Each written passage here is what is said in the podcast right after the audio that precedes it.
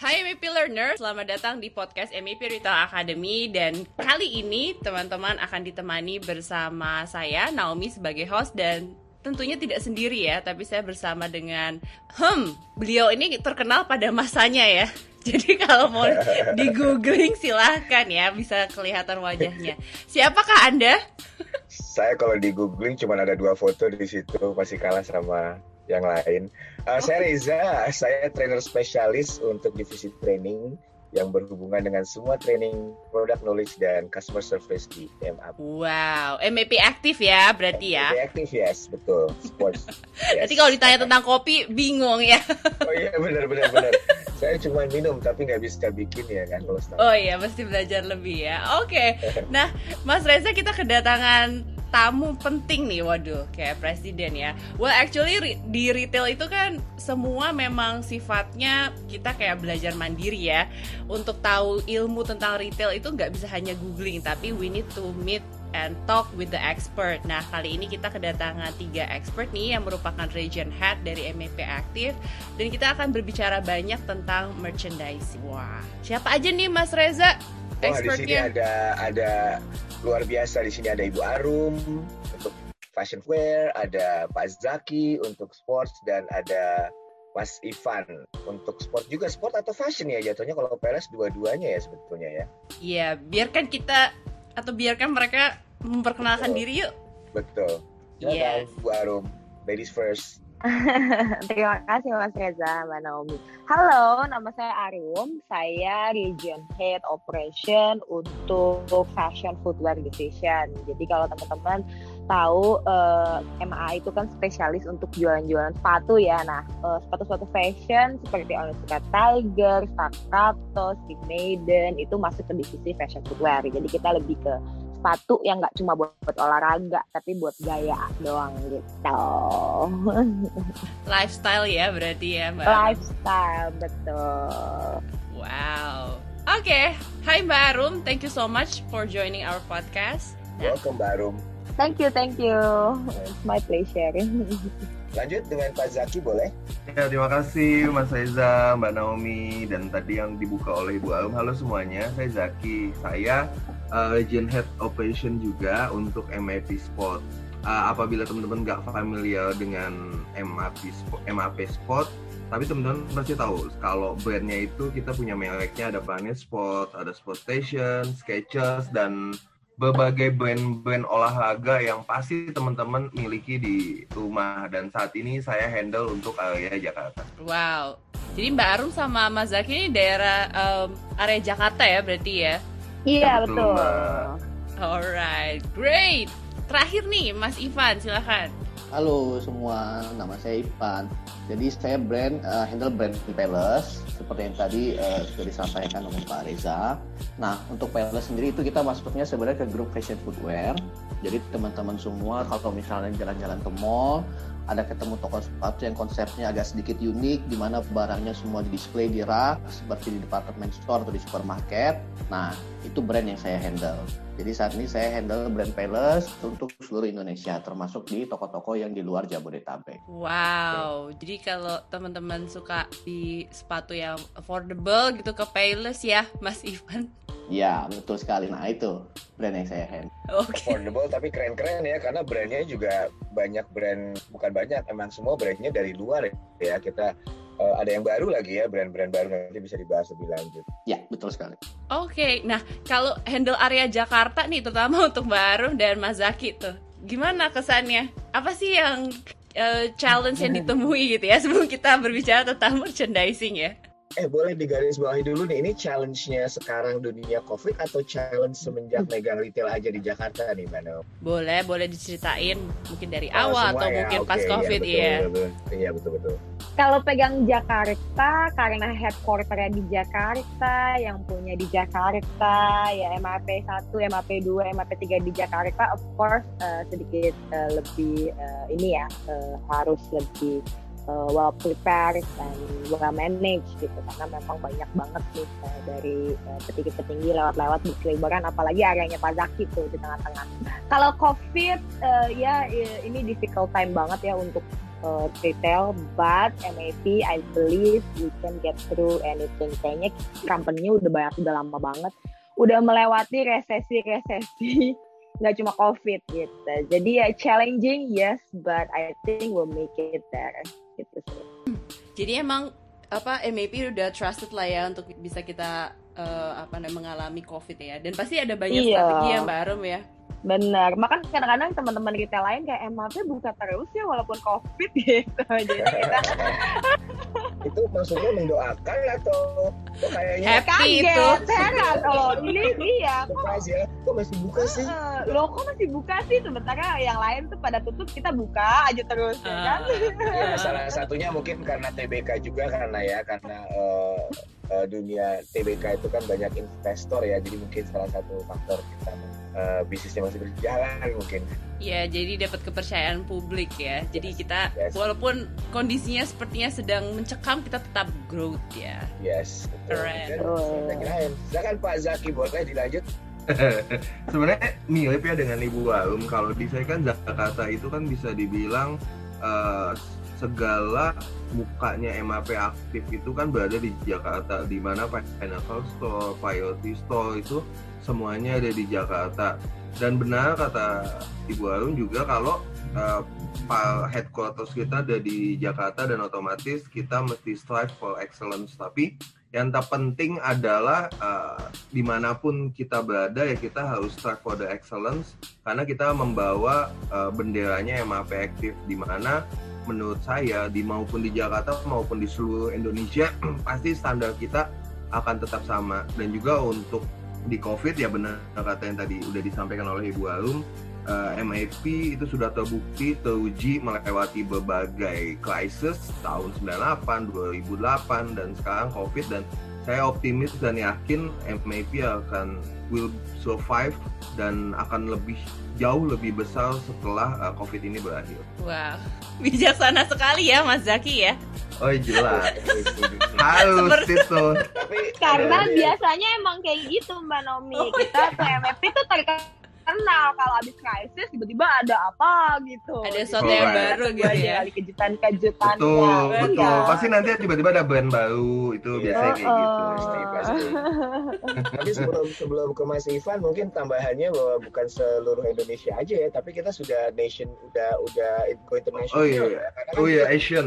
Asian iya, udah Asian region. Jadi uh, mungkin salah satu brand Indonesia, perusahaan Indonesia yang sudah go internasional dan ada tokonya di mana tuh di Filipina atau Vietnam atau Thailand ya, Pak? di Di Vietnam Vietnam. Filipina Thailand ada. Thailand. Ya, dan dengan standar Indonesia karena saya juga sempat kirim customer service uh, training manualnya ke mereka dengan bahasa Thailand. Jadi luar biasa itu. Luar biasa ya Mas Reza ini multi bilingual ya bilingual ya Kami, kami Bahasa- enggak kami hire orang Thailand tapi saya tetap Oh, oke. Oh, Kapun Luar Kak, biasa, Mas. Reza. kapun ke Mas Reza Ini Mas Ivan kayaknya tidur nih kalau nggak Oh iya. Lebih tepatnya nih. Ya, kalau tadi kan udah di daerah Jakarta ya, sedangkan Mas Ivan kan handle-nya seluruh Indonesia nih, pasti different challenge. Dan tadi kan Mas Zaki bilang tentang striving for quality itu it's a must gitu, because we are MAP. Nah, kalau dari Mas Ivan sendiri, gimana nih untuk bisa um, memastikan quality yang bagus seluruh Indonesia, di Payless seluruh Indonesia? And what are the challenge? Ya, jadi kalau untuk eh, memastikan bahwa standar kita sama, memang benar yang tadi Pak Zaki bilang, kita mau semua standar sama di seluruh eh, region di eh, Indonesia. Tentunya pada saat dulu sebelum masa pandemi, kita lebih mudah kontrolnya. Di satu sisi, memang kita juga sering visit keluar kota, tim Palace sendiri, untuk memastikan bahwa memang semua standar itu kita jalankan. Tapi di setiap masing-masing region kita juga ada perwakilan region head-nya yang bisa membantu kita untuk memastikan standar itu terpenuhi. Nah, dengan kondisi pandemi sekarang yang memang agak sedikit berbeda karena memang kita semakin sulit untuk traveling, ada keterbatasan dan lain sebagainya. Tapi juga kita terbantu oleh kemajuan teknologi saat ini kan. Jadi memang kita tahu sudah banyak ada Zoom, ada Google Meet, Microsoft Teams dan lain sebagainya, di mana kita juga kadang bisa video call dengan tim yang langsung yang ada di sana untuk memastikan tokonya dalam kondisi yang baik, semua standar kita penuhin. Jadi ya dengan kondisi yang kayak seperti sekarang yang memang lagi sulit, kita harus bisa memanfaatkan teknologi yang ada sekarang, kita harus bisa beradaptasi, karena kita nggak mungkin menunggu pandemi ini selesai baru kemudian kita istilahnya going forward lagi gitu. Jadi kita harus bisa adapt dengan kondisi saat ini, memanfaatkan tools yang ada untuk memastikan standar kita tetap at the top. Alright, jadi perlu beradaptasi dan pakai teknologi ya Mas Ivan ya untuk make sure everything is on standard gitu ya. Yes, betul sekali. Mas Reza tadi mau ngomong nih Ya, kayaknya saya lagi- ada unek-unek kayaknya. ya. Gak lagi dengerin aja Mbak Naomi pagi-pagi. pesona dengan dengan Mas Ivan. Such a wisdom ya. Jadi, jadi kalau travel, kita kan kalau dulu kan banyak traveling ya keluar kota. Berarti salah satunya juga eh, cut cost ya sebenarnya ya untuk traveling kayak saya outstation dulu kalau ngajar setahun tuh bisa sebulan dua kali gitu. Kalau sekarang eh, zoom jadi ada ada biaya yang berkurang di situ. Tapi jadinya saya kalau pribadi anak-anak toko saya susah untuk saya eh, touch base langsung face to face gitu. Mhm. Ya, Karena ya. ada karena ada yang Efeknya eh, nggak pasti nggak buka ya. video ya. Iya. Yes, oh. agree. Jadi kalau dari report pun sama ya kalau umpamanya eh, Pak Ivan pengen ngelihat toko gitu kan eh, karena tapi nggak bisa ke kota tersebut. Jadi mereka video call terus ngasih lihat barang-barang yang sudah di display, stockroom rapi seperti itu kan Mas karena kondisinya eh, report lewat Zoom. Iya, betul. Jadi kadang kita atur waktu, ya kan? Dan kadang kan waktunya juga berbeda. Jadi misalkan dengan area Indonesia Timur, kita atur waktu lebih pagi karena misalkan di kita jam eh, 8, di mereka jam 10 gitu kan. Jadi kita harus arrange juga perbedaan waktunya. Nah, di situ kita video call dengan mereka yang ada di toko. Nah, kemudian pada saat kita sambil ngobrol video call tersebut, ya mereka kasih lihat juga kondisi tokonya seperti apa gitu. Ya betul. Maklum ya Pak Ivan tokonya Sabang sampai Merauke kayaknya ya. Luar biasa. Tapi mungkin mungkin tambahannya itu bukan cuma cut cost ya, tapi lebih yang terpenting ya safety measures juga sih. Karena Oh, kan iya, ini iya. era era pandemik dan itu Iya, kan yang betul. menjadi our Priority. company Priority, ya. ya yes, itu. yes, yes. Salah satunya itu. Betul, betul. Thanks to technology ya guys. Kalau nggak ada teknologi, wah die kita. Anyhow, Iya, benar. um, di retail itu kan memang merchandising sebagai salah satu pilarnya ya atau as the core lah ya. Nah kalau menurut teman-teman Region Head sendiri, what is the definition of merchandising? Well, I know kita pasti bisa googling ya, tapi I believe Hmm. with your experience pasti punya definisi sendiri nih tentang merchandising. Apalagi orang lapangan ya. Iya betul, itu yang dibutuhkan ya ilmunya Iya. ya, betul. Benar.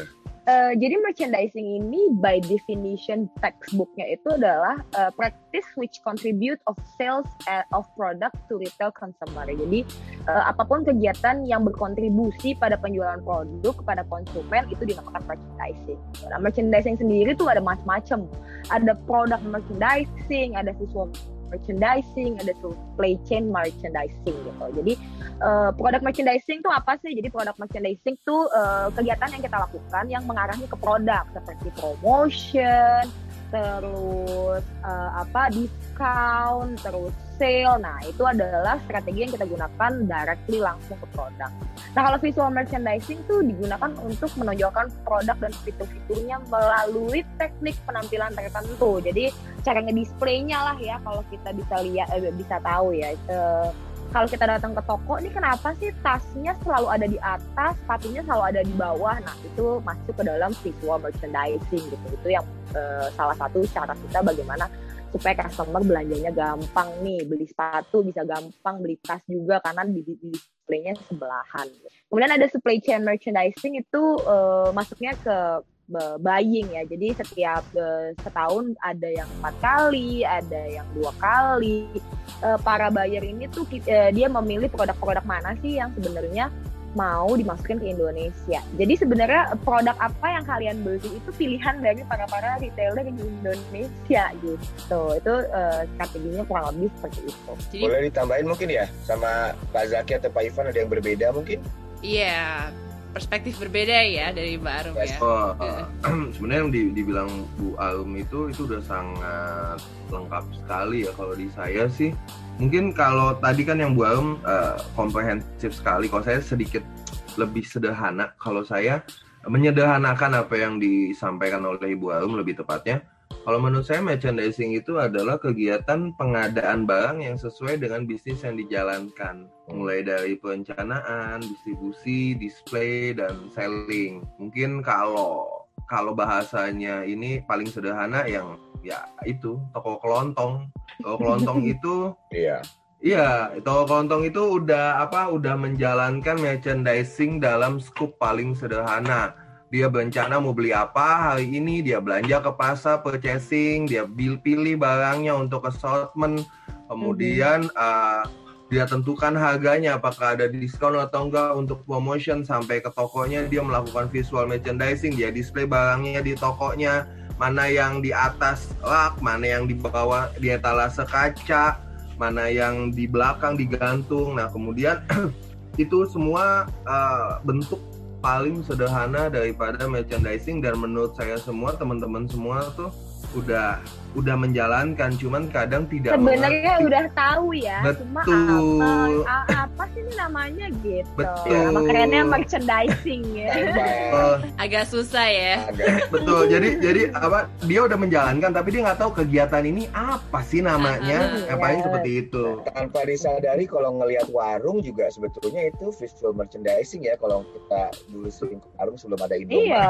Betul. Mm-mm. Rencengan adanya di atas tuh, ya kan? Rokok Betul. nanti kacang Oh, uh, coklat di samping gitu kan. Nah, tapi tapi yang paling yang paling teman-teman harus ingat adalah eh, MAP juga dulunya kan start dari small ya jadi Iya, eh, kita semua tuh harus belajar dari toko kelontong untuk supaya bisa betul. pada saat bisnisnya juga going ya otomatis uh, paling mekanismenya akan sedikit kompleks tapi secara flow ya akan sama saja seperti itu dari saya sih. Hmm, Jadi transisi dari tradisional eh, retail ke modern retail ya. Correct, betul. Nah, dari kecil ke besar sih. Jadi saya mau Betul. tanya ke Pak Ivan sebetulnya hampir sama, tapi supaya Pak Ivan nggak menjawab hal yang sama lagi, yang mau saya tanya, kalau merchandising itu kan ada sisi buy-nya juga ya, eh, buyer itu masuk ke, ke merchandiser. Nah, setahu saya nih, kalau dulu saya sebagai buyer, eh, saya punya yang kayak buying list dari dari prinsipal yang saya harus cek, saya harus lihat dan saya sort berdasarkan eh, eh, apa namanya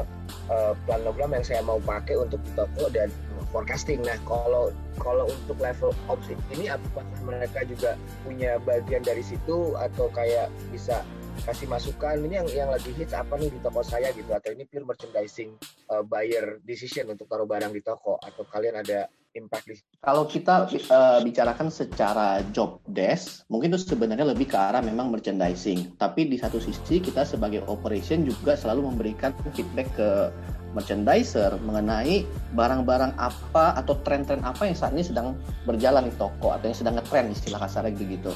Jadi kita selalu punya komunikasi yang intens dengan tim merchandiser ya kan? Bagaimanapun juga pasti merchandiser mereka sudah punya sendiri. Mereka punya fashion katalog ya kan? Mereka udah tahu juga mungkin tren-tren yang sedang berjalan saat ini seperti apa ya kan? Yang sering digunakan oleh para selebriti seperti apa misalkan begitu. Tapi tetap saja ketika kita melihat by data back end dengan melihat di lapangan kadang ada sedikit perbedaan. Jadi di situlah antara merchandiser dan kemudian operation di situ kita harus sync in, kita harus sama harus look in the same page. Nah di situ kita ya adakan meeting lah atau apa pun itu kita diskusi kita sampaikan feedback dari sisi kita bahwa eh ini loh yang model lagi ngetrend sekarang dan lain sebagainya. Di satu sisi MD juga kasih lihat ke kita katalognya yang ditawarkan oleh uh, brand itu sendiri. Dari katalog itu ya nanti kita bisa lihat sama-sama ya kan. Oh model ini kayaknya bagus nih, ini lagi ngetrend. Oh model ini jangan deh, kayaknya kurang cocok di market kita. Walaupun mungkin di country lain itu cukup bagus penjualannya. Tapi kita sesuaikan dengan market kita sendiri. Jadi secara rule job desk itu lebih masuk ke arah merchandiser, tapi dari sisi operation pun kita juga punya peran untuk memberikan feedback yang valid ke tim merchandiser tersebut supaya mereka bisa buying barang yang memang sesuai dengan kebutuhan market kita. Menarik ya. Kalau untuk warung sama Pak Zaki juga sama atau ada persepsi yang berbeda di situ? Kalau fashion footwear karena kita benar-benar uh, depend on what happen going on in fashion industry, I mean maksudnya apparel ya atau high brand. Uh, ke kebetulan kalau saya di fashion footwear itu kita ikut malah. Jadi uh, kita ikut buyingnya, kita sit down, uh, kita sit down bareng sama MD-nya uh, during buying fashion. Sekarang kan buyingnya via Zoom ya, jadi Iya. ya kita dulu- lihat Kalau dulu ke Jepang ya. eh kalau ke dulu jalan-jalan lah ya ke Singapura, ke Iya. Inggris, ya Iya. ke Hong Kong gitu kan. Cuma kan kalau sekarang via Zoom karena balik lagi ya pandemic it's somehow. Uh-uh, but ya Travel. jadi eh, biasanya eh, brand itu akan apa kita di buying itu kita bakal dikasih tahu nih sebenarnya eh, barangnya itu terinspirasinya dari apa Ah, oke, terus, oke. eh, apa key feature-nya seperti apa season ini spring summer itu seperti apa warna yang bagus tuh seperti apa gitu. Jadi kita bisa kasih feedback ke construction. Misalnya kalau oh, kalau di Indonesia sepatu yang tingginya 15 cm itu kayaknya nggak laku. Gimana nih? Mungkin prinsipal bisa bantu gitu. Jadi lebih ke lebih lebih intens sebenarnya eh, kalau saya. Tapi eh, baik lagi eh, hanya benar-benar cuma kasih feedback. Jadi KPI secara KPI itu semua yang dipegang MD gitu jadi operation hanya kasih feedback oh barang yang sebenarnya udah di toko ABC performance-nya begini loh gitu jadi join gitu kalau di fashion footwear Nah, sebelum ke Mas Zaki mungkin pengen tanya nih. Jadi uh, Mbak Hmm. Arum kan sebagai ops bisa kasih feedback nih. Nah, uh, Hmm. gimana tuh prosesnya supaya bisa kasih feedback? Kira-kira data apa aja sih yang uh, kita itu orang operation perlu tahu gitu ketika mungkin supporting MD dalam buying uh, merchandise. Eh, yang pertama kita harus tahu barang bestsellernya tuh kayak apa. Eh, bestseller itu biasanya kalau kita ada weekly, ada monthly, ada ada weekly sama ada monthly gitu. Jadi kita bisa tahu nih setiap minggu barang-barangnya yang lagi laku tuh apa. Karena fashion kan eh, berkembangnya cep, apa cepet banget ya kayak Dinamis bulan banget ya. Iya, Hmm. bulan lalu ngetren bulan depan belum tentu bisa gitu. Jadi betul, jadi kita harus tahu banget tuh bestsellernya seperti apa, construction seperti apa yang diminati. Construction tuh bentuknya apakah heelsnya yang pendek, yang tengah, yang tinggi gitu. Terus eh, itu kita harus tahu eh, persis gitu atau dan elemen-elemen lainnya seperti eh, kalau pita kayaknya kita udah coba berbagai macam eh, produk kayaknya nggak laku gitu. Jadi eh, kalau kalau bahasa kerennya tuh sell through report. Jadi kita lihat nih berapa persen sih sebenarnya barang yang eh, datang ke toko kita yang kita jual tuh berapa persen gitu. Bahasa kerennya sell through, tapi intinya kita harus tahu nih berapa sih barang yang laku tuh laku nomor satu tuh yang mana, nomor dua tuh yang mana. Setiap region juga beda-beda. Jadi kayak Jakarta eh, Central Park gitu, Jakarta Barat sama Jakarta Pusat tuh eh, behaviornya beda-beda gitu. Jadi kita harus tahu juga eh customer-nya tuh kayak apa gitu dari masing-masing region. gitu. Menarik ya. Berarti kan kalau Hmm. fashion bisa kita harus bisa forecast dari freestyle. Cuman kalau saya mau tanya ke Pak Zaki nih, kalau sport apakah juga ada fashion uh, forecastnya atau functionality uh, in term of function yang yang emang lagi dicari sepatu-sepatu tertentu atau gimana dari sisi Ya, kalau dari sport sendiri kan kalau di kita karena apa callnya MIP Active itu adalah sport yang paling penting. Yang pertama tentu saja eh, merchandisingnya itu kita based on historic itu yang udah pasti. Kalau apa yang laku atau seperti apa itu itu sudah yang prioritas. Yang kedua ada yang seperti tadi Mas Reza bilang yaitu customer behavior. Di kita ya kita eh, koordinasi mengkomunikasikan misalkan oh ini tren sepeda nih lagi laku dan brand ini tuh punya uh, bicycle pants di luar sana gitu. Tapi di Indonesia ini belum masuk. Nah hal-hal yang seperti itu yang kita coba untuk komunikasikan dengan pihak uh, merchandising agar uh, apakah uh, possible untuk ditambahkan di assortment uh, di assortment itu variasi produk yang dia masukkan ke Indonesia jadi uh, kalau kita itu di operation lebih banyak untuk kepada yang intangible trends, jadi customer behavior, jadi yang seperti itu. Karena kalau data, mereka pasti akan melihat data, tetapi apakah mereka melihat market, yaitu kita diskusi di situ. Seperti itu, Mas Reza. Ah, Secara kita ini ya di toko ya. Kalau di kan tiap hari ngeliat. Ngomong- ngomong Betul. ngomong soal transport, kita kan sebetulnya kalau dari MAP aktif ini kan memang dari dulu concentrate in running and marathon and anything to do with triathlon. Tapi running sih pada uh, intinya.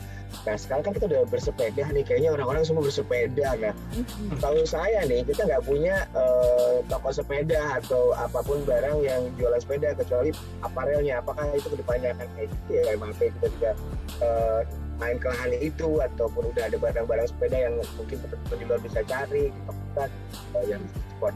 Iya Jadi kalau kita undang Mr. Sharma nih kayaknya ya, Mas Oh iya, Mas kan Reza. ini ada toko, kita belum punya toko sepeda loh.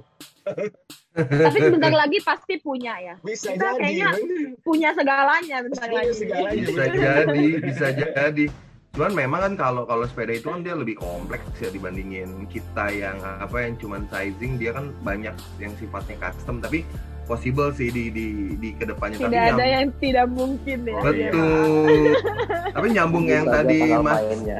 mas Reza bilang di di lari pun ada trennya mas di lari pun ada trennya misalkan kayak sekarang itu lagi tren semua orang 5K dan pakai sepatunya itu adalah si Hoka otoma- dan Ah. banyak community itu yang Hoka ya itu kan juga tren terus Ya. kemudian color kalau misalkan dari historical eh, kita mainnya itu safe safe color misalkan hitam biru atau apa tapi kan demanding daripada customer zaman sekarang itu nggak cuman yang apa yang black blue ya kan nah Iya, benar. ya itu itu yang yang kita coba untuk informasikan tapi tetap Iya. tetap at the end keputusan di mereka karena assortment merupakan wilayahnya mereka Oh, kita bagian komen aja mas, komentator iya ya. iya Feedback ya.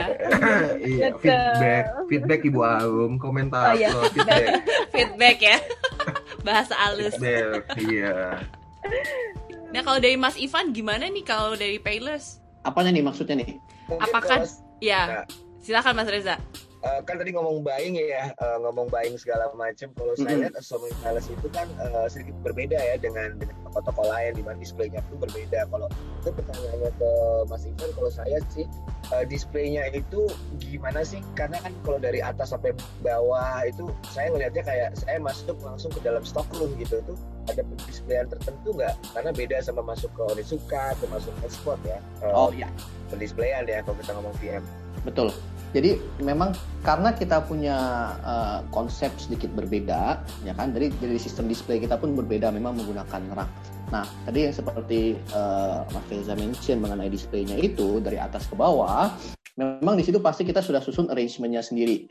Karena memang kita pasti maunya selalu pada saat customer datang ke toko itu kita membuat supaya easy to shop, mudah untuk berbelanja di toko kita.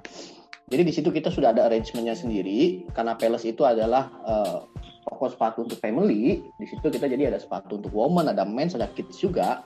Otomatis di situ pada saat kita pendisplayan pun sudah kita kategorikan. Jadi area woman di sini, area men's di sini, area kids di sini gitu loh supaya mempermudah ketika customer datang ke toko, oh saya mau nyari sepatu buat anak saya. Oh di sini Bu area untuk kids. Oh untuk suami saya, oh di sini untuk eh, laki-laki, di sini untuk perempuan itu sudah dibagi. Kemudian pada saat di masing-masing kategori sendiri pun juga di situ kita displaynya sudah kita kelompokkan.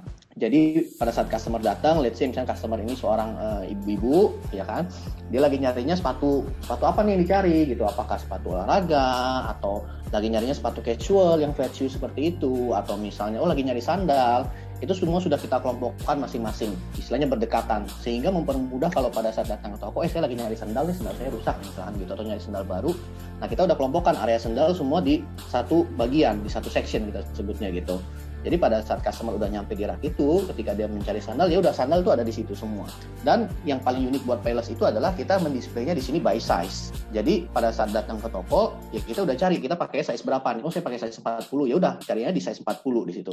Size 40 sudah ada di situ semua gitu. Tinggal kita pilih dan karena kita open display di situ, ketika customer menemukan sepatu yang dirasa cocok, ya kan yang dia suka, bisa langsung dicoba gitu. Jadi nggak perlu susah-susah nyari SA kita di mana, mas saya mau nyoba ini minta dong sebelahnya itu. Jadi kalau di kita nggak perlu karena kita open display bisa langsung dicoba gitu. Iya, berarti kita butuh eh, bantuan ya tetap kita standby di situ. Iya, berarti dari sisi colorways pun begitu ya. Kalau saya lihat kan ada eh, dark to light atau light to dark. Saya nggak tahu ya maksudnya karena waktu saya pelajarin juga emang itu cukup rumit loh. Ternyata teman-teman ini eh, ada formulanya gitu. Jadi memang itu butuh bukan hanya naruh sepatu doang di rak atas bawah, tapi emang ada flow-nya gitu kalau nggak salah ya Mas ya. Betul betul. Seperti yang tadi mungkin dimention oleh Pak Jaki, kalau toko kelontong itu menjalankan yang dalam skup paling kecil, kita kan adapt. Jadi kita kan Iya. beradaptasi dengan market kita sendiri. Dari mungkin awalnya dulu PL seperti itu, tapi kemudian kita beradaptasi ya kan. Kita lihat oh kalau begini kayaknya customer mungkin lebih mudah nih belanjanya kita susun seperti ini. Oh mungkin by color juga supaya lebih menarik kita susun seperti itu. Hingga jadilah seperti sekarang. Keren. Silakan. Mbak Naomi.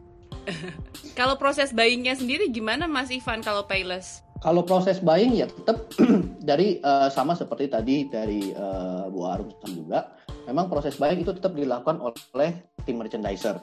Jadi mereka yang direct langsung dengan brand principal kita, tapi di, dari sisi operation kita tetap memberikan feedback ke mereka. Jadi kita ada meeting secara reguler dengan tim merchandiser di mana kita di situ nanti akan membicarakan mengenai katalog yang diberikan, mana nih yang kira-kira akan cocok untuk kita beli di market kita sendiri gitu. Nah, di situlah operation nanti akan chip in, kita akan berikan feedback ke mereka sesuai apa yang kita lihat di lapangan, di toko gitu. Nah tadi Bu Arum udah sempat mention untuk support itu kita butuh barang uh, data barang-barang best seller. Kita juga hmm. mungkin butuh barang-barang yang bukan best seller yang nggak jualan gitu loh. Karena kita bisa kasih feedback mereka jangan beli lagi nih barang ini gitu loh. Karena ini kurang moving di toko kita. Kemudian kita juga bisa kasih feedback mengenai tren yang ada di kompetitor terkadang karena kita pada saat keliling di mall kan kita nggak mungkin cuma stay di toko kita kita juga harus kadang melihat uh, surroundings kita seperti apa mungkin pada saat kita jalan ke toko-toko ini kita lihat loh kok mereka udah ada ya model ini pindah ke toko lain kok ada model ini juga ya? Kayaknya ini bagus nih gitu. Sedangkan toko kita belum ada. Nah pada saat sesi buying tersebut di situlah kita kasih feedback ke tim brand kita ke merchandiser kita ini saya kemarin melihat di toko ini toko ini mereka udah punya loh sepatu sejenis seperti ini gitu loh. Style seperti ini kok kita belum ada ya mungkin kita harus request ini ke prinsipal misalnya. Jadi ah, kurang lebih begitu Jadi kalau orang-orang melihatnya kita tuh jalan-jalan doang ya kerjanya, padahal itu analisa kompetitor ya. Bukan, padahal kita jalan-jalan digaji loh. Kita tuh kita tuh kita tuh di dunia iya jalan-jalan. Iya jalan-jalan di mall. Jadi kalau teman-teman mau jalan-jalan di mall digaji ya kerjanya di retail. kerja di retail. Karena kadang teman-teman aku juga sering banget tuh kayak gitu. Arum lu enak banget sih kayaknya cuma jalan-jalan gitu ya. Sini ke situ ngelihat sepatu orang ngeliat ini. Iya memang itu bagian analisa dari analisa itu ya analisa dan betul. ya. Ya tidak semua seindah yang dilihat tapi yeah. ngomong soal PLS mungkin sedikit tambahan uh, untuk PLS sedikit tambahan nih teman-teman yang belum uh, mungkin belum pernah datang ke toko PLS PLS itu banyak kolaborasi sama desainer-desainer muda ya jadi salah satu contoh uh, dulu tuh ada desainer muda saya lupa namanya kalau nggak salah dia itu pemenang American uh, apa ini fashion uh, runway fashion runway kalau nggak salah uh, teman-teman yang suka nonton fashion runway dulu um, itu ada salah satu pemenang yang akhirnya dia ditarik oleh PLS. Pasti ingat nggak namanya siapa ya Mas Ivan? Christian uh, Siriano. Christian Siriano. Nah dia tuh pemenang uh, fashion uh, Project Runway, di New York Project Runway, kok Fashion Runway, maaf Project Runway dia pemenangnya ya. dan akhirnya dia menjadi desainer PLS cukup lama dan saya dulu beli bukan beli itu untuk saya, saya nggak suka pakai video ya tapi. wow. Kalau kamu suka sih sesuatu ya Mas. Kita no judgment kok Mas Reza. Iya, iya memang, memang it's fashion, it's fashion karena just embrace it Mas Reza.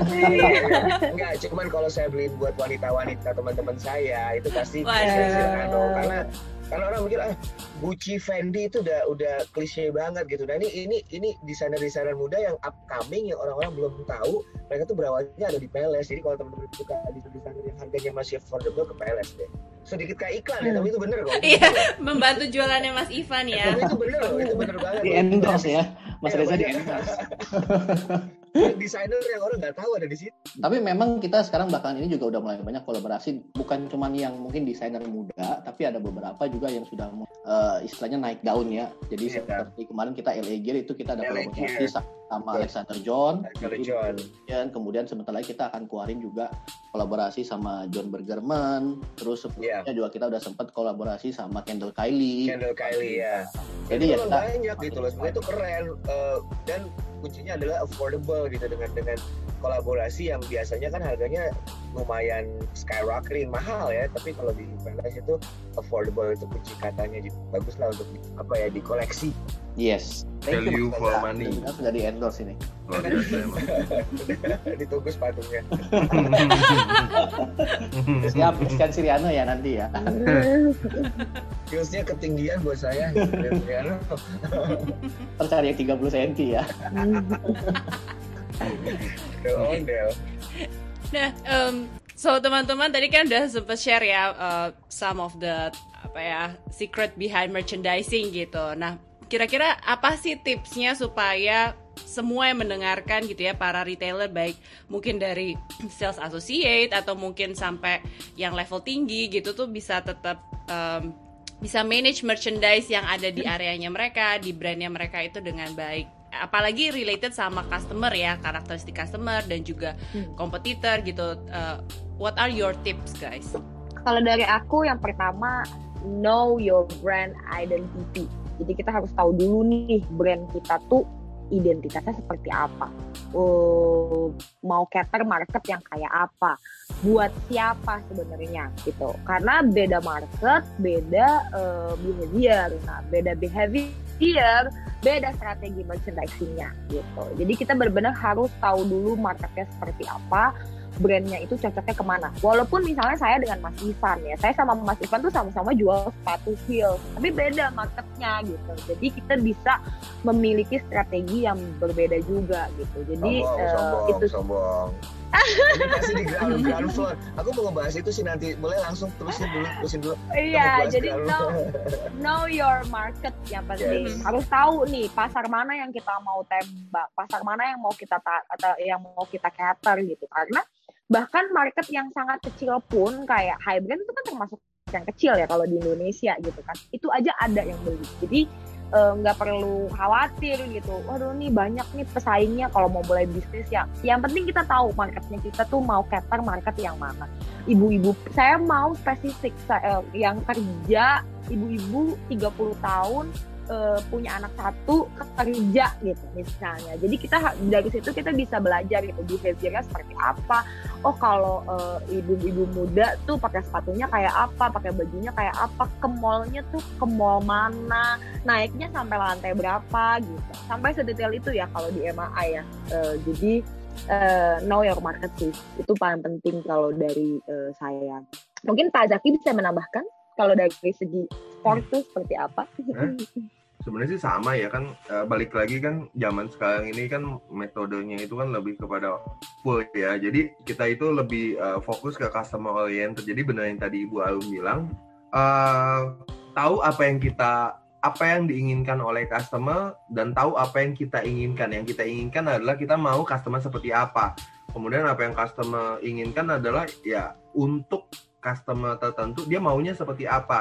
Itu yang paling penting. New your customer. Terus yang kedua menurut saya fokus sih. Kalau eh, bidang apa pun ya kita fokus. Kita misalnya bidang di retail ya fokus di retail aja gitu. Misalnya eh, shoes ya udah fokus di retail sampai besar barulah beranak pinak ke bisnis yang lain. Terus sama yang terakhir yang menurut saya ini ini ini penting banget di merchandising. Never put your emotional emotional to a product Oh, iya Jangan banget ya, ini bener banget. Aku setuju banget. pakai emosi ke produk itu yang paling kita dan itu yang bisa bikin berantakan semuanya kalau temen maksudnya gini misalkan teman-teman beli produk A terus ngerasa ih ini gue Hmm. yakin nih bakal laku banget Mhm. mau nggak Hmm. laku pun akan tetap dibilang wah pasti laku banget nih nah itu yang yang akan berantakan terus yang kedua milih warna bukan berdasarkan yang laku tetapi berdasarkan yang kita mau nah itu itu itu adalah apa namanya uh, musuh terbesar dari merchandiser yaitu put emotional itu itu itu Hmm. parah banget sih kalau Bad menurut saya. forecasting jadinya ya. Pasti. Itu bener banget, Mbak. Aku punya pengalaman pribadi. Jadi before in MAP, aku kerja di salah satu uh, retail company juga. Itu kita ada kita tuh masuk ke dalam buying team. Terus kita suka banget sama satu tas. Nih, kita pede banget. Wah ini bagus ya warnanya, bla bla bla bla bla. bla. Eh, akhirnya it's a recipe for disaster. Kenapa? Begitu barangnya nyampe, kita beli 3000 piece. Pada saat itu tokonya cuma 15 kalau nggak salah. Kita Hmm. beli 3000 piece. 6 bulan kemudian hanya laku 20%. Jadi kita cuma Wow. bisa jual itu 600. Nah, itu kita harus putar nih gimana caranya nih supaya barangnya habis gitu. Itu tuh bener-bener banget aku setuju banget sih sama Mas. Itu kalau kita bayar itu susahnya tuh kan orang Kurangin punya emosi selera ya? ya. Iya, orang kan punya selera gitu. Kalau nggak bisa bohong gitu, suka suka tapi terusnya customernya nggak suka gitu. Makanya itu pentingnya data sih. Yang Iya. tadi eh, Mas Ivan Pak Zaki bilang data itu pentingnya di situ supaya kita bisa oh enggak kok ini tuh cuma preference aja gitu. Oh, oh, oh, oh. ada batasnya Betul. Mungkin kalau pertanyaan saya selanjutnya untuk brand identity tadi Ibu Arum sempat bahas brand identity sama know your market. Hmm. Uh, ini saya lempar aja sih, boleh siapa yang jawab. Saya bingung kenapa kalau ke mall uh, brand yang mahal itu pasti di bawah, brand yang uh, affordable itu harus naik ke dua tingkat atau tingkat tiga gitu dan uh, itu itu itu masuk menurut saya masuk ke brand identity juga and know your and, and know your customer tapi how do you strategize what's on the ground floor and what's above. Gitu. Boleh mungkin yang dari ground dulu nanti ke yang ke atas kita ngobrol ke yang atas siapa? Boleh uh, Kalau uh, ya uh, itu bagian bagian dari strategi juga ya. Jadi okay. uh, eh, uh, biasanya kalau kita ke mall tuh kalau di ground floor tuh semuanya more luxurious uh, merchandise. Jadi kalau tergantung juga ya mallnya, karena kan mall sendiri ada tiernya, ada tier A, tier B, tier C dan yes. sebagainya gitu. Jadi uh, kalau di tier E itu like Plaza Indonesia, Plaza Senayan, nah ground floor ini uh, high end brand jadi uh, bukan cuma luxury tapi high end, benar-benar haute couture, yeah. Dior dan segala macamnya. Nah, naik ke lantai satu kita masuk ke luxury produk gitu. Nah, uh, biasanya tuh uh, kalau kita tahu Onitsuka Tiger, kemudian uh, Calvin Klein, Tommy Hilfiger itu dia masuknya ke lantai satu gitu. Kalau di Plaza Indonesia ya. Tapi kalau di Pondok Indah uh, kita dapat ground floor jadi balik lagi ya tergantung dari market mallnya itu sendiri gitu jadi uh, strateginya adalah orang semakin wealthy itu semakin nggak mau naik ke atas. Jadi kita make them very uh, make make our market accessible, make our store accessible yes. for our market gitu. Jadi karena kita tahu nih behaviornya kalau orang dengan purchasing power segi sekian itu nggak nggak gitu willing gitu naik sampai ke lantai 5 gitu jadi kita yang turun gitu, supaya kita bisa grab market kita gitu. Menarik sih ternyata ada ada high brand, ada luxury brand ya. I mean uh, mungkin banyak teman-teman yang nggak tahu tuh perbedaannya apa. Ternyata premium brand itu dibagi lagi ada high brand, ada iya. luxury brand. Oke okay, oke. Okay. Nah kalau dari. Pak Zaki sama Pak Ivan mungkin Pak Zaki dulu boleh kalau sport kan beda ya sport di atas. di bawah ya. Di atas. Tapi kenapa di atas kalau sport? Yang pasti gini kan setiap balik lagi ya kan setiap uh, ini ada brand identity. Ada yang kayak sport itu kan secara overall itu kan destination place. Jadi customer datang itu memang dia fokus untuk menuju ke toko itu. Dan itu yang pertama. Uh, tipe daripada apa yang kita jual itu itu berpengaruh juga Terus tadi yang seperti Ibu Arum bilang kalau di bawah itu rata-rata memang profit driven. Jadi dalam artian eh, produk-produk yang high end sedangkan makin ke atas itu biasanya adalah uh, volume driven. Jadi yang yang memang dan volume driven usually itu ada destination. Terus yes. kemudian yang ketiga itu adalah lebih murah. Tapi kalau Peles berarti masuknya ke volume driven dong ya, bukan yes. bukan bukan uh, harga murah ya karena harganya juga 400 itu yang murah ya Pak Ivan ya it's a volume driven store dia dia destination destination ya, ya.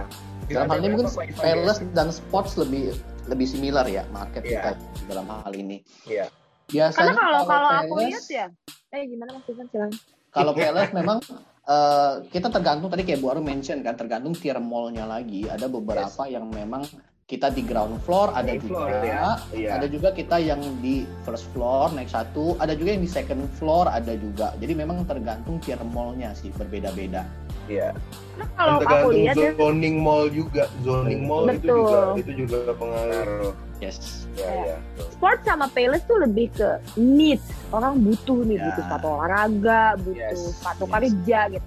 Tapi yeah. kalau fashion footwear you want it but you yes. don't need it you don't yeah, need it yeah, but, yeah but you want it ya gitu yeah, jadi gitu kan. jadi kita harus bikin mereka kalau needs kan emang ada ada kebutuhan ada gitu. terus jadi, ya dia memang iya emang harus beli ibaratnya gitu kan no matter what gitu tapi kalau kebutuhan kan bisa beli bisa enggak nah supaya dia beli kita permudah hidupnya dia. Nggak perlu naik sampai atas atas gitu. Impulse kalau menurut saya nih uh, Indonesia ini lebih ke trend follower daripada trendsetter, bener nggak ya? Jadi kalau saya lihat ya, uh, apa yang di luar sana lagi ngetrend, umpamanya selebriti pakai atau yang ada di TV pakai, nanti semua orang akan pakai. Jadi kita masih di arah fashion follower dibanding fashion trend bener nggak sih kalau dari teman-teman yang di lapangan apakah ada orang yang out there dan dananya beda dari yang lain atau gimana atau tetap mencari yang dipakai siapa kalau mungkin dari yang suka kali ya itu kan? Hmm. Uh, Nyari yang kalau dipakai siapa nggak sih ya maksudnya cari yang dipakai siapa gimana? kayak eh, ada selebriti ini pakai saya ada nggak di sepatu yang kayak dipakai si A atau si Oh, saya lihat di TV itu kan jatuhnya Hmm. eh, trend follower ya dibanding hmm, hmm, hmm. trendsetter gitu kalau Onitsuka di Jakarta tidak, karena orang Hmm. Jakarta semuanya trendsetter, ya kan? trendsetter yang luar kota Tapi ya ya Iya, tapi kalau outstation kayak Bali, kayak Bandung, Medan, Surabaya itu masih. Jadi mereka mengikuti eh, celebrity crush mereka gitu. Kayak kalau di Bali tuh Hmm. Nana Mirdad sama Andrew tuh kalau udah ke toko udah kayak eh, jumpa fans gitu. Kebetulan Oh, mereka juga suka banget sama brandnya kita gitu. Jadi Iya. eh, langsung nih kayak bisa kelihatan, eh, Mbak saya mau dong yang dipakai eh, Nana Mirdad atau saya mau dong yang dipakai sama Luna Maya gitu. Jadi kalau di Jakarta sendiri sih nggak gitu ya Mas. Tapi Iya. kalau di luar kota itu sangat berpengaruh gitu. Makanya kita harus pilih banget nih siapa yang yang kita endorse atau kita ajak kerjasama gitu sebagai brand. Nggak bisa. Oke. Mhm. Mungkin Mas Reza mau daftar? Ya, saya kalau ke toko juga jumpa fans kok. Oh Saya iya, kita disapa semua anak toko ditanya mas iya, ini lagi gitu biasanya. iya benar. Sekalian jual diri nih ya Mas Reza ya. Kalau Mas Promosi Reza diri jumpa ya. fansnya, jumpa fansnya sama anak-anak, Mbak. Mas Reza katanya udah training Iya gitu. gitu. Iya. Atau sama wanita-wanita ya yang ditinggalkan ya Mas Reza ya. Luar biasa ya bang. Aku mute dulu ya, aku mute dulu ya, bahaya ini. Iya. Lanjut ada ada mungkin dari dari eh, kalau dari sport itu juga ada transfer nggak sih atau trans follower gitu nggak sih? Kalau dari kita eh, kan karena gini, karena di sport ini kalau untuk sport secara ya untuk sport secara overall itu enggak, tetapi banyak beberapa seperti running itu dia community driven. Jadi apa yang lagi tren di komunitasnya itu eh, mem- apa ya mempengaruhi yang lain untuk membeli community driven tapi sifatnya lokal. Tapi ada juga yang yang seperti di artis food ya ya kita suka atau nggak suka Air Jordan kan itu seperti masih tetap fan followers ya kan? Mas Reja juga itu Iya. suka banget sama Air Jordan. Tapi secara overall menurut saya sih enggak ya.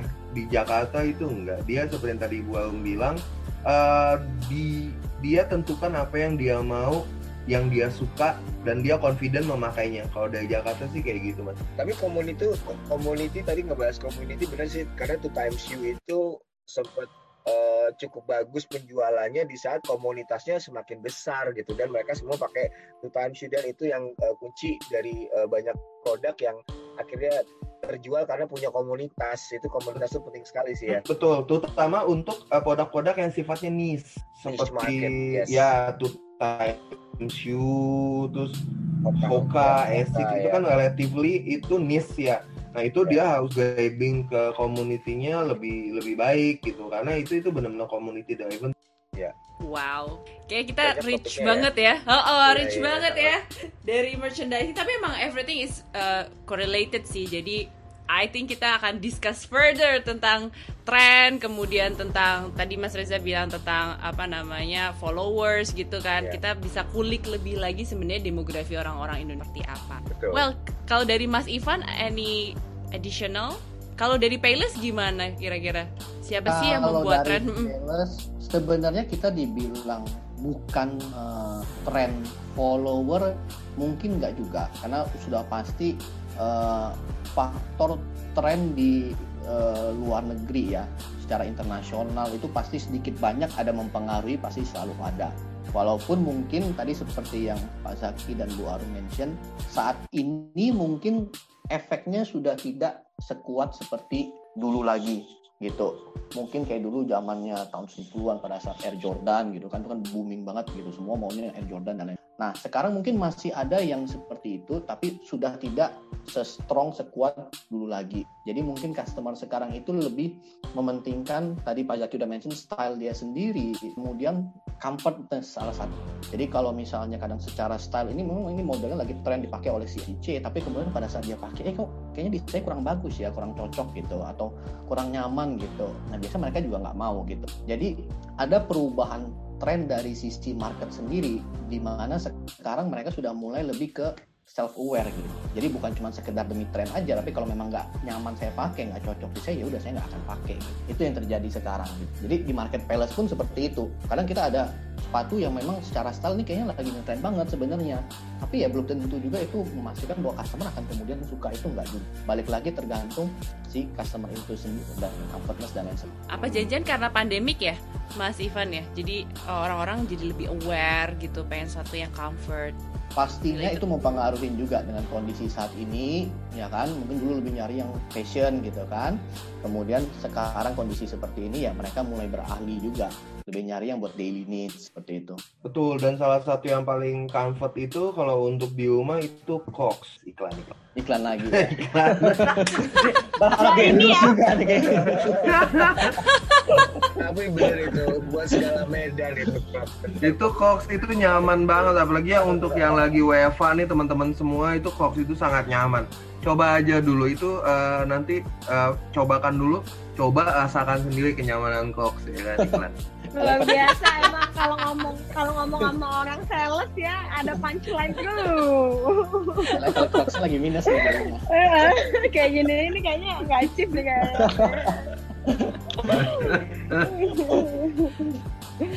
Alright guys, seru banget kita ngobrol kali ini. Gak kerasa udah satu jam ya. Wah, semoga teman-teman MAP learners terhibur ya dan dapat banyak hal.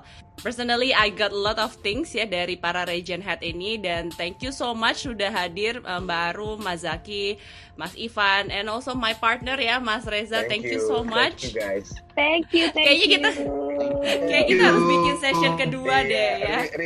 Ngebahas ngebahas dunia retail tuh nggak ada habisnya karena benar kata Bu tadi itu dinamis banget. Jadi mm -hmm. uh, dan setiap tahun tuh ada aja perubahan fashion. Ada yang baru ya. Ada yang baru. Betul. Ada ada teknologi baru gitu kan. ada toko baru, ada, toko ada baru. baru.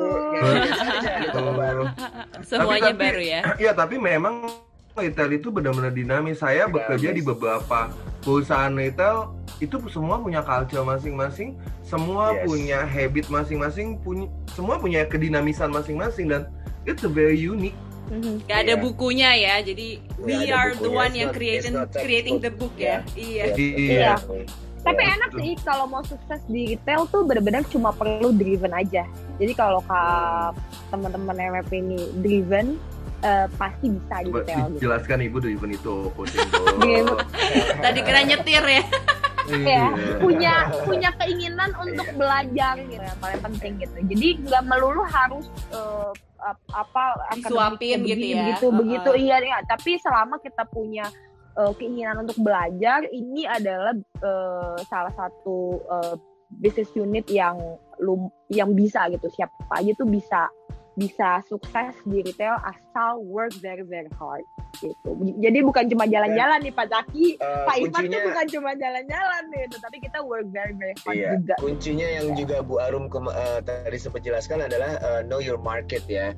Know yeah. your market, brand identity is very important karena uh, kita jual barang kalau kita nggak tahu marketnya ya itu barang akan moving dan akhirnya dead stock dan akhirnya diskon ya itulah. Yeah. Kalau jadi operation tuh harus mau belajar uh, training sedikit, harus mau belajar uh, marketing sedikit, harus mau belajar uh, uh, buying sedikit. Jadi selama kita harus punya keinginan untuk belajar, ya kita kan tukang jahit ya kan? Oh iya, 360 knowledge kita.